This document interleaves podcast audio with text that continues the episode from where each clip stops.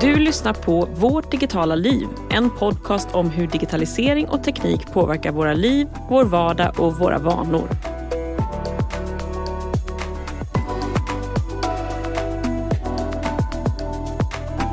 Hej Kristin! Hej!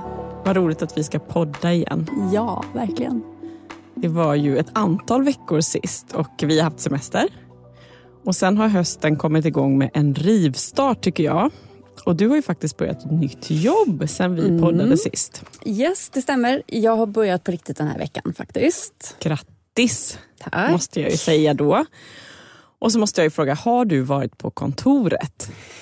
Yes. Jag har hunnit vara två dagar på kontoret eh, och det känns jätteexotiskt att vara på ett kontor.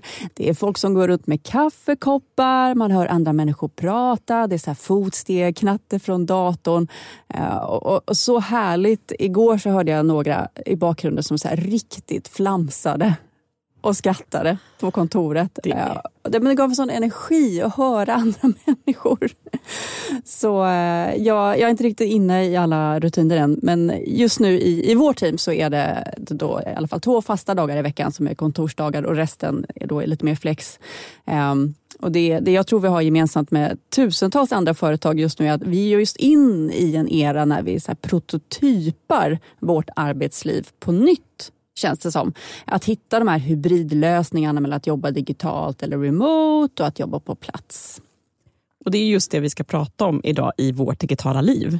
Nämligen hur det ser ut i det här stadiet av pandemin med hemmajobbandet kontra att gå tillbaka till kontoret. Mm. och vad pandemin har gjort med våra jobbliv. Och Det här är ju i allra högsta grad kopplat till digital utveckling och digitala verktyg. Ja, det är det ju verkligen. För, för utan dem, utan de här digitala verktygen, inget hemmajobb. Det har ju gjort att folk faktiskt har kunnat jobba hemma på ett eh, vettigt sätt. Eh, och det, är som, det är märkligt hur den här omställningen nästan kunde ske över en natt. Från att man har pratat om det så länge, att man ska jobba digitalt får man ändå säga.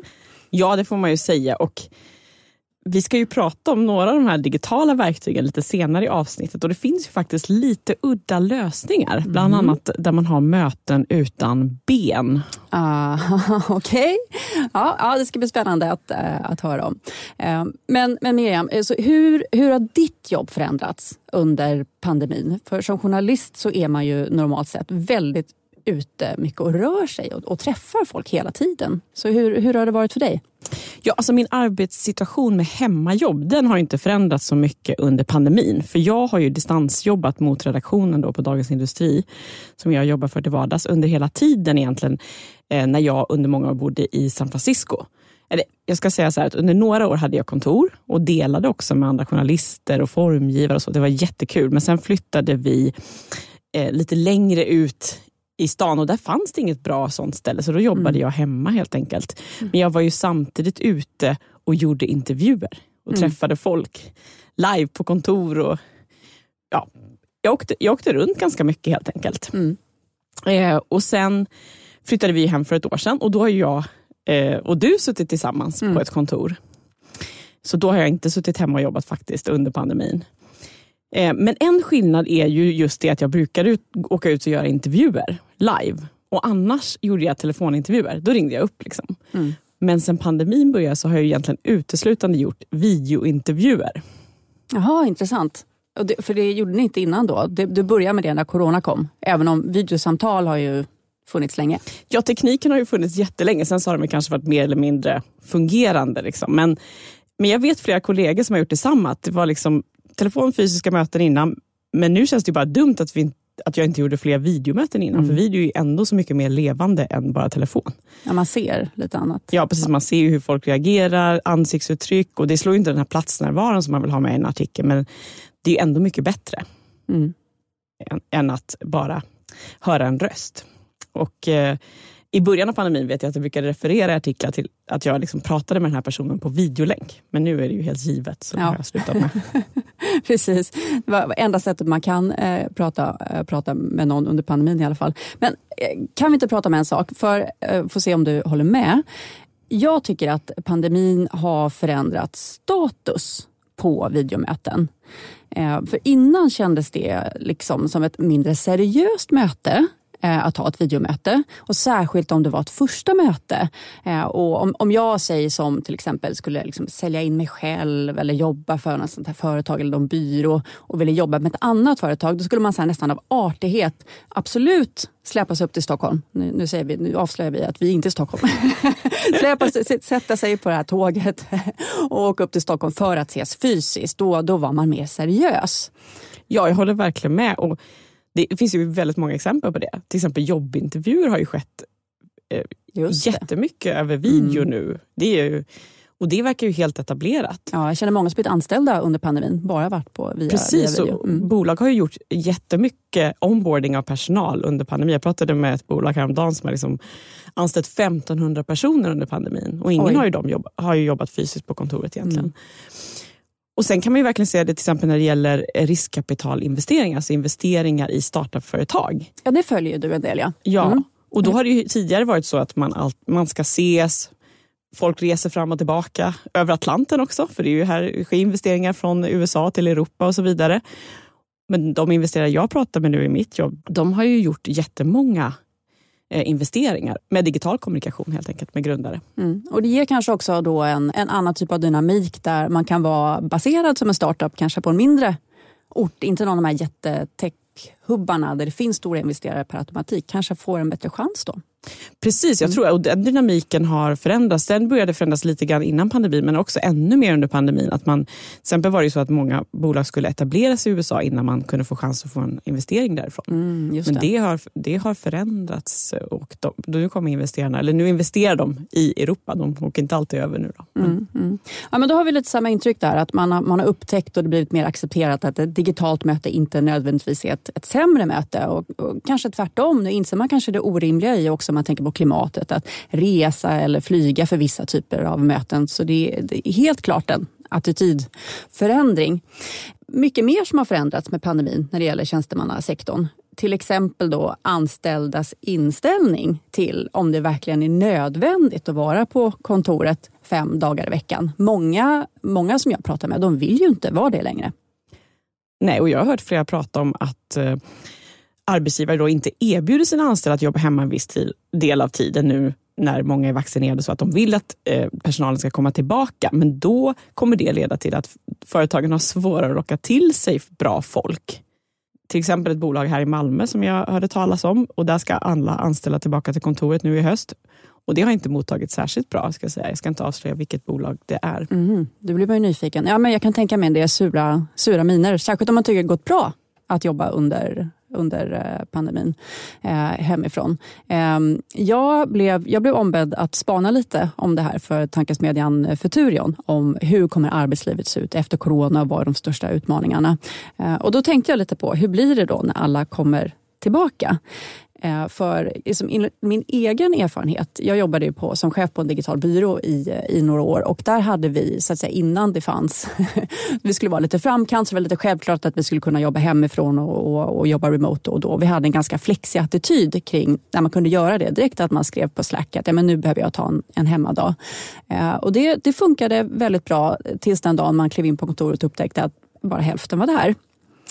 Eh, och då när man tittar in och kollar, folk hade liksom skrivit ja men någon, någon, någon var tvungen att fokusera på sin kod och, och någon skulle ta emot någon leverans. Alla hade jättebra anledningar att vara hemma. Men det jag märkte var ju att då för mig som chef var det svårt att dels få en inblick i hur är dynamiken idag? Hur mår folk idag? Är de glada? Är de ledsna? Och, i, och för teamet så, så saktade det ibland ner saker. Man måste alltså ha ett bra system liksom, för att förstå vad folk är och om man har den här hybridlösningen. Då, ja, ja, men vem precis. är var, när? Ja, och, och, och jag menar om man tänker då på hur vi har haft det nu under pandemin så har det varit en jättestor omställning och alla jobbat digitalt. Men också alla har jobbat digitalt. Då är det faktiskt, har alla samma förutsättningar att göra, att göra sitt jobb. Men jag tror att den stora utmaningen nu framåt det blir att hitta en balans mellan det här när vi ska jobba både digitalt, jobbar remote hemifrån och jobbar på kontoret. När I och med en... att alla inte är där samtidigt Nej, heller. Utan exakt. några är hemma och några är på kontoret Ja. så ska man jobba tillsammans i team. Ja, men tänk man har ett team på tre personer. En vill jobba hemma onsdag och fredag, en vill jobba hemma tisdag och torsdag och, och aldrig mötas de två. Eh, och det, det tror jag blir... Och det, jag hör redan det från folk som jobbar lite mer arbetsledande ställning att det här kommer bli ett, ett huvudbry att få ihop det här på ett bra sätt. Att ha dynamiken med kontoret. Vad är det som ger någonting att vi är här tillsammans och, och när kan vi släppa iväg folk och låta dem vara hemma? Och det här är ju nästa utmaning för de digitala verktygen, då, att lösa Ja, den dynamiken. Visst. Men eh, här i, i Sverige känns det ändå som att det är ganska många som kommer gå tillbaka till någon slags hybridlösning med både kontors och hemmajobb. Eh, kanske redan nu i höst, men vissa avvaktar. Eh, men där du bodde förut, Miriam, i Silicon Valley eh, där så många techbolag har sina kontor, eh, där många av de stora jättarna avvaktar ju nu att låta sina anställda komma tillbaka till kontoret på grund av spridningen av, av delta, eller hur? Ja, och jag har fått lite rapporter om läget där borta och även hittat lite data på Mm. hur det ser ut. Hur ser det ut då? Ja, och vi kanske ska backa bandet lite. Det var ju så att många av bolagen i Silicon Valley började jobba remote även innan det blev lockdown där. De stängde ner hela samhället egentligen, vilket var i mitten av mars förra året. Och sen var det ju några veckor där när allting började ställas in. Det var liksom gigantiska teknikkonferenser, över 100 000 deltagare som ställdes in eller gjordes om då till digitala konferenser. Och så skickade ju alla jättar hem sina anställda. Facebook, Google, Apple, Twitter, LinkedIn, ja, Mm. you name it. Och en massa startups också. Mm. Många av dem har ju gett upp sina kontor helt och hållet. ska jag säga också. Äh, Inte de stora jättarna utan, utan små startups. Som, Ja. Ja. och det är ju det är en jätteomställning när man tänker på det. För, för vad jag har förstått så är ju kontoren väldigt centrala eh, för många företag där, då, inte minst för, för techjättarna. Ja, det finns ju ett stort symbolvärde för bolag som Facebook, Google, Apple som i princip har byggt upp små städer runt sina campusområden. Mm. De har ju varit så centrala i företagskulturen och har gått ut på att de anställda ska vara där på jobbet egentligen eh, så mycket som möjligt. All mat serveras där, det finns aktiviteter, alltså olika, man kan utöva olika sporter, det finns tvätteri, frisörer, ja, massa Fris- olika saker på plats. Frisör? Ja, precis. När jag var på besök på, jag tror det var Facebooks campus, så stod det en um, van där med, Ja. Med, ja, som hade frisörsalong liksom, i en camper. Ja, det, är, det är väldigt listigt för alla så här Facebook-frissan. Då. Ja, exakt. Det fanns säkert tre, tre en viss på. likriktning där. En mark. ja, eh, men, eh, eh, ja, alltså det, det är ju, det, man förstår ju. Jag, jag tänker också självklart att det är väldigt listigt att ha allt på plats för att ingen behöver någonsin gå från jobbet. Nej, Nej. så är det ju. Ja. Men, men det är ju ändå då att från de här ministäderna som du beskriver det med ett myller av människor eh, så är det plötsligt då ingen där längre. Nej, precis. Helt, helt tomt. Mm. Och inte bara techbolagen. Nej, Egent, ja, inte bara techbolagen. Och de, även de små eh, startupbolagen har ju kört helt med hemmajobb. Och hela finansiella distriktet i San Francisco var ju helt tomt. Jag åkte ner och stod där. Det var, det var helt surrealistiskt. Det var inga turister och inga, inga som jobbade. Helt Mm. enkelt. Helt tomt. Mm. Ehm, och eh, under tiden som jag bodde i Silicon Valley då, så skedde det just också en stor inflyttning till San Francisco. Jag bodde där i, från 2012 fram till 2020 och många startups ville vara inne i San Francisco istället för ute i, då, i dalen. Mm. Och så bodde techfolket inne i stan, pendlade ut till olika techjättar och hade sina startupkontor i, i stan. Och det var ju liksom företagsbussar som tog en, två timmar att pendla ut med beroende på trafiken. Det var väldigt mycket trafik. Mm. Och den ökade också successivt medan jag bodde där. Och nu kan man tänka sig att den är mycket mindre. Ja, eh, hur ser det ut eh, nu egentligen? För det verkar som att de, de stora bolagen avvaktar som du sa innan. Eh, och jag, jag läste att Apple, de har ju skjutit eh, fram att folk ska gå tillbaka till kontoret ända fram till jul. Ja, och Google har sagt oktober, eh, läste jag. Men det kan ju ändras igen. Och siffror från Bloomberg visar att det fortfarande är 60 procent i San Francisco som inte har gått tillbaka till kontoret.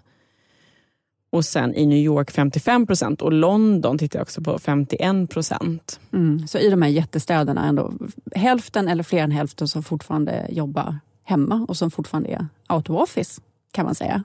Precis, och det här har ju konsekvenser för, för städerna. Ja men det har ju det. sätt, ja. det. Det händer ju någonting när folk flyttar på sig plötsligt alla jobbar hemifrån.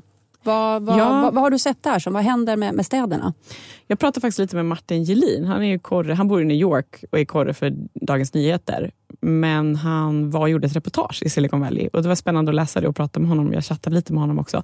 Och Han sa hur just det här att det var påtagligt tomt i de finansiella distrikten i San Francisco, på kontoren i Silicon Valley. Men samtidigt så sa han att det var väldigt rikt folkliv på restauranger och kaféer. För det är ju ganska bra väder i, även i norra Kalifornien. Och då har restauranger och kaféer byggt ut sina eh, uteserveringar. Och, och då har folklivet blivit rikare. Även på dagtid. Så blir det ju. Och de man sitter hemma och jobbar men man vill ändå komma ut lite grann. Alltså. man kanske ändå tar utemöten och så, men sen, även med sina egna kollegor tror jag. Mm. Så det är, och det är en utveckling som det har pratats om under pandemin, att det ska bli en större liksom, lokal hemmasittarekonomi som växer fram och att det här gynnar olika områden lokalt där folk bor. Och där, ja, det blir ju så då när både arbetslivet och fritiden har förändrats. Liksom, och sen flyttar ju då fler ut från städerna. Och techbolagen har ju sett att det här funkar. De har ju gjort bättre resultat än någonsin. Och vissa har ju också infört att man faktiskt får jobba permanent på distans. Okej, ja. För, för som sagt resultaten är jättebra ändå. Man märker inget tapp i produktivitet och så vidare. Pengarna kommer in. Ja, så är det.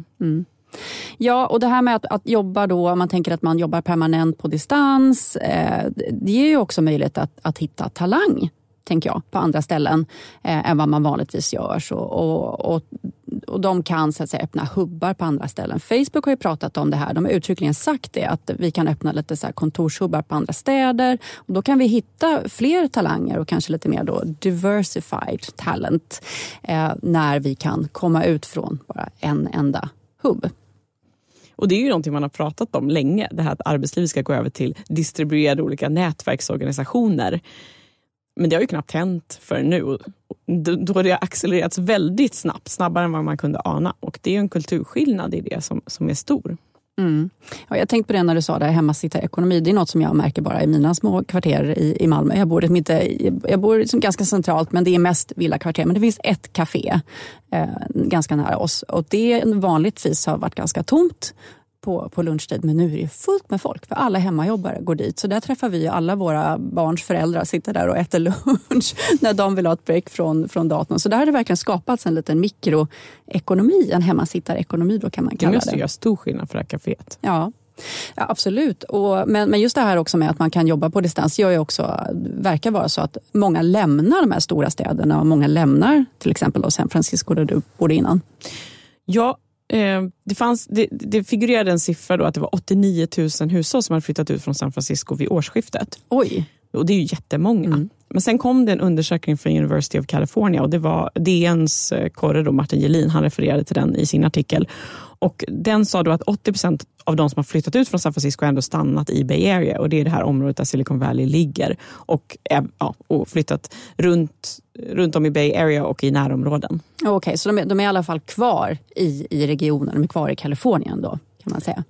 Precis så är det. Men sen vet jag ändå att det är en del som har flyttat hem till sin egen delstat. Alltså där man kommer ifrån från början för att vara närmare sin familj. Man kanske gör det tillfälligt också ju. För att ta den här chansen. Och sen finns det några som har flyttat till Hawaii till exempel. Åh, trevligt. Ja, det kan man tänka sig. Om man kommer från Hawaii. Ja. Ja, och det är, ganska, det är en liten tidsskillnad mot Kalifornien. Då, Ja, För- ja. Men, Eh, och allt det där och allt det här som vi pratar om nu, det har ju då som sagt möjliggjorts för att vi har de här digitala verktygen. Även om det såklart finns konsekvenser av att inte ses och man pratar om zoom-fatig och så vidare. Det är ju så himla individuellt vad man föredrar. Eh, men många verkar ändå vara överens om att det är, det är bra med en, med en blandning med det här och jobba remote då, på kontoret. ja, det känns ju inte som att det kommer gå tillbaka helt som det var innan. Och det visar en del undersökningar också att det är många som inte vill det.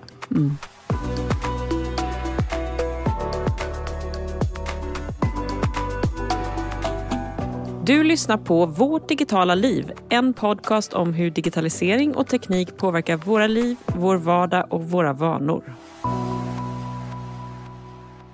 Men vi ska ju prata lite mer om tekniken som möjliggör allt det här och också komma in lite på framtiden. Ja, det gillar vi att prata om.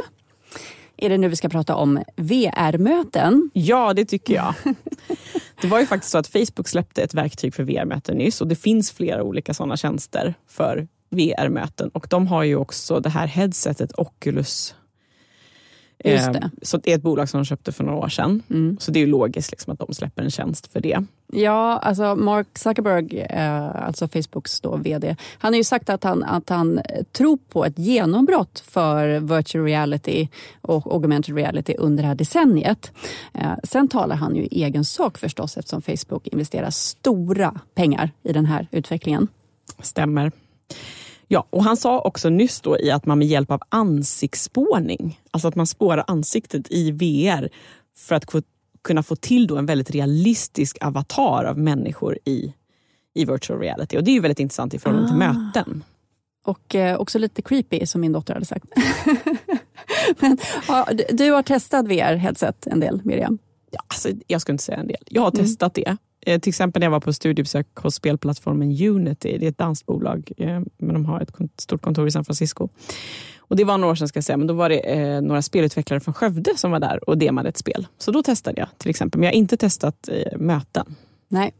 Okej. Eh, ja, det, Fa- det Facebook har tagit fram är det är en mötestjänst och inget spel. Och Det heter Horizon Workroom. Och Det är egentligen som ett virtuellt kontor som ett företag kan sätta upp och eh, gå runt i. Det låter ju coolt, men så, Mm. eh, ja, det gör det faktiskt. Men så läste jag en recension då av det i publikationen Quartz. Det var faktiskt en ganska kul artikel där skribenten berättar om hur hon och hennes kollegor har testat Horizon Workroom och de lyckades först inte ens koppla ihop sitt headset med sin avatar och man kan Nej. även gå in i mötena eh, liksom i, ja, som i video också. Man kan vara med liksom, avatarerna i mötet utan att själv vara en avatar. Men ja, det var svårt att koppla ihop och sen hittade hon inte sitt mötesrum så hon irrade runt där på kontoret. Och när hon väl hittade så fick hon kollegans avatar och han fick hennes. Ja, Kaos. Ja, rörigt. Eh, och verkar ju inte så intuitivt då, då alltså. Eh, men det är ju bara tidigt utvecklingen för VR-möten så det, det kanske inte är så konstigt. Nej, och sen kom hon ju till slut på då att hon behövde logga in med samma mailadress som hon hade på Facebook. Och Det tyckte hon inte var så kul, för då hade hon ju använt, det var ju liksom många år sedan, det var ju Ja. 2006-2007, så då Mm. hade hon ju någon gammal konstig mailadress som hon inte vill visa sina kollegor och så vidare. Ah, okej. Mm. Och inte sin jobbadress. Och sen var det en grej till. Man kan inte se sina ben i, i Facebooks tjänst. Man, alla slutar vid midjan. Och Det verkar vara för att de skulle få ut det snabbt. Då. Men sen är det också tydligen svårt att replikera hur ben rör sig i VR. Ja, lite som, som, man- som en kentaur fast utan hästdelen. Precis. Flyt, flyter runt. Ehm, mm, Ja, så det, det blir benlösa möten. ja. Men något som var bra, eh, skriver hon, är att rösterna riktas.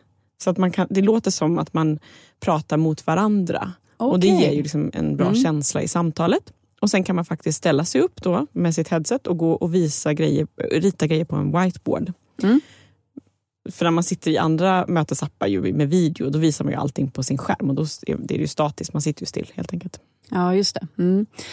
Eh, många av de befintliga spelarna när det gäller videosamtalslösningar som Zoom, och Google och Microsoft, de har ju verkligen sett en lavinartad ökning av användare under pandemin. Men det känns ju också som allt det här bäddar för nya lösningar. Även om, om få fortfarande äger ett, ett VR-headset. Så vad, vad finns det mer för nytt? Det finns ett svenskt startupföretag. Eh, De heter Teamco, jag vet inte om jag uttalar det rätt. Eh, De har en lösning då för virtuella kontor och möten, men det är inte i VR. Nej. Så Det är ju liksom i en 2, 2D-miljö. De har en tjänst där man kan gå runt med en avatar som är ens lilla bild. Mm. Alltså ett foto på en själv. Och så kan man gå runt på kontoret, gå in i olika rum och prata med andra medarbetare. Och Det är ju intressant vad det skapar när man kan vara i en miljö hela tiden istället för att ringa upp vid ett videosamtal. Så alla sitter hemma och jobbar men de är ändå i den här kontorsmiljön och kan gå in i ett rum. Nu sitter ja, min kollega här och då kan jag prata med Ja, och då, och då, då, då, skapar man, då skapar man ju en miljö tänker jag, som efter lite, efterliknar lite dataspel. Eh, och det finns ju en uppsjö av startups som håller på med virtuella kontorsmiljöer. Det finns With, Branch, Reslash, Around, SoCoCo som jag inte vet om jag säger rätt heller, Topia. Eh, och många av de här har startat just under pandemin. Eh, och det handlar ju om då molnlösningar som man loggar in på via webbläsaren. Eh, och det innebär ju att man kan jobba tillsammans med de som jobbar hemma om man har en hybridlösning också. Precis, och man kan ju också se då om någon är upptagen. Man kan lägga in olika eh, notifikationer. Liksom, och, eller om man är passiv och kanske inte är på plats just då men ändå är inne i ett rum. Och... Mm. Så ändå någon form av representation av kontoret känns det som visuellt. Även om det är, vissa är 3D, om det är VR och vissa är 2D. Vi får väl ha ett sånt kontor då, du och jag och Miriam, när vi inte kan dela kontor så ofta längre. Ja, ja det låter bättre än ingenting tycker jag. Mm. Mm. Men du, en grej som jag vet att du har jobbat med, som jag tänkte att vi skulle prata om också kopplat till, här, till det här med hemmajobb, är den här tjänsten Mural som är ett samarbetsverktyg. Det finns ju också andra som Bluescape och Miro till exempel. Kan du inte berätta lite om den? Ja, ja jag älskar Mural och, och, och Miro. Eh, och det, det, är ju lite som, eh, ja, men det är som en eh, workshop tjänst, kollaborationstjänst kan man säga. Där man kan sätta upp som whiteboards, man kan sätta upp post-its, man kan göra anteckningar, man kan dra in bilder, man kan dra streck och sätta olika sektioner och alla kan vara inne och jobba parallellt i det här verktyget och, och verkligen då tänka tillsammans. Och man kan till exempel om man ska rösta på ett förslag, har man tio post-its med idéer uppe, det är ganska lätt att sätta små duttar på dem och så. Eh, och Eh, och jag, jag har ju jobbat väldigt mycket med, med workshops och det har ju nu också ersatts med digitala möten. Eh, men då är, har de här Mural och Miro varit fantastiska verktyg att koppla in i en sån workshop. Det som tidigare var ett rum med massa post-its i blir istället då en, en Miro-board. Eh, och jag måste säga att jag gillar, eh, även om jag kan ibland sakna det fysiska och stå tillsammans och diskutera med, med någon, så gillar jag verkligen att jobba digitalt eh, med, med den här typen av lösningar. För dokumentationen blir mycket lättare. Det var ju så innan, man hade som men ett, en vägg där det bara de hängde klasar med 20-30 post-it-lappar. Sen fick man gå runt och fota av dem och sen skriva, man skulle skriva ner vad som var bäst. Och det var alltid risk att man tappar någonting. Medan har man det här då digitalt så finns det ju jättelätt att spara, man kan duplicera hantera eh, som en, en, en board och jobba vidare på. Man har då så att säga, lite bättre möjlighet att följa upp hur fick vi den här idén egentligen. Eh, så, så, så jag måste säga att jag tycker det, jag funderade på nu när man börjar gå tillbaka till, till eh, då fysiska workshops, hur kan man hur kan man ändå få med det elementet av att spara och kunna jobba tillsammans och ha det dokumenterat digitalt, det man, det man pratar om i sin idégenerering. Mm. Mm. Det är alltså som en slags digital anslagstavla då? Ja. ja. Ja, det får jag testa. Ja, men det, det, det är kul. Och jag känner att jag måste testa att ha VR-möten utan ben. men det verkar så surrealistiskt. Men det är ju lite som att ha ett, ett Zoom-möte på ett sätt. Det viktigaste i ett, i ett Zoom-möte är att man har en, en snygg topp och sen kan man köra mysbyxor. De har ju hört en del historier om. Ja, ja. ja.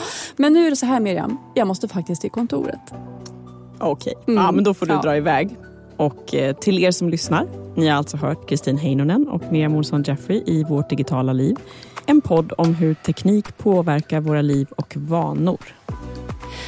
Och vill du höra av dig till oss, kanske tycka till om hur det är att gå tillbaka till kontor eller inte komma tillbaka till kontor nu under hösten. Mejla till hej vartdigitalaliv.se. Vårt digitala liv redigeras av Umami Produktion. Tack för att du lyssnade.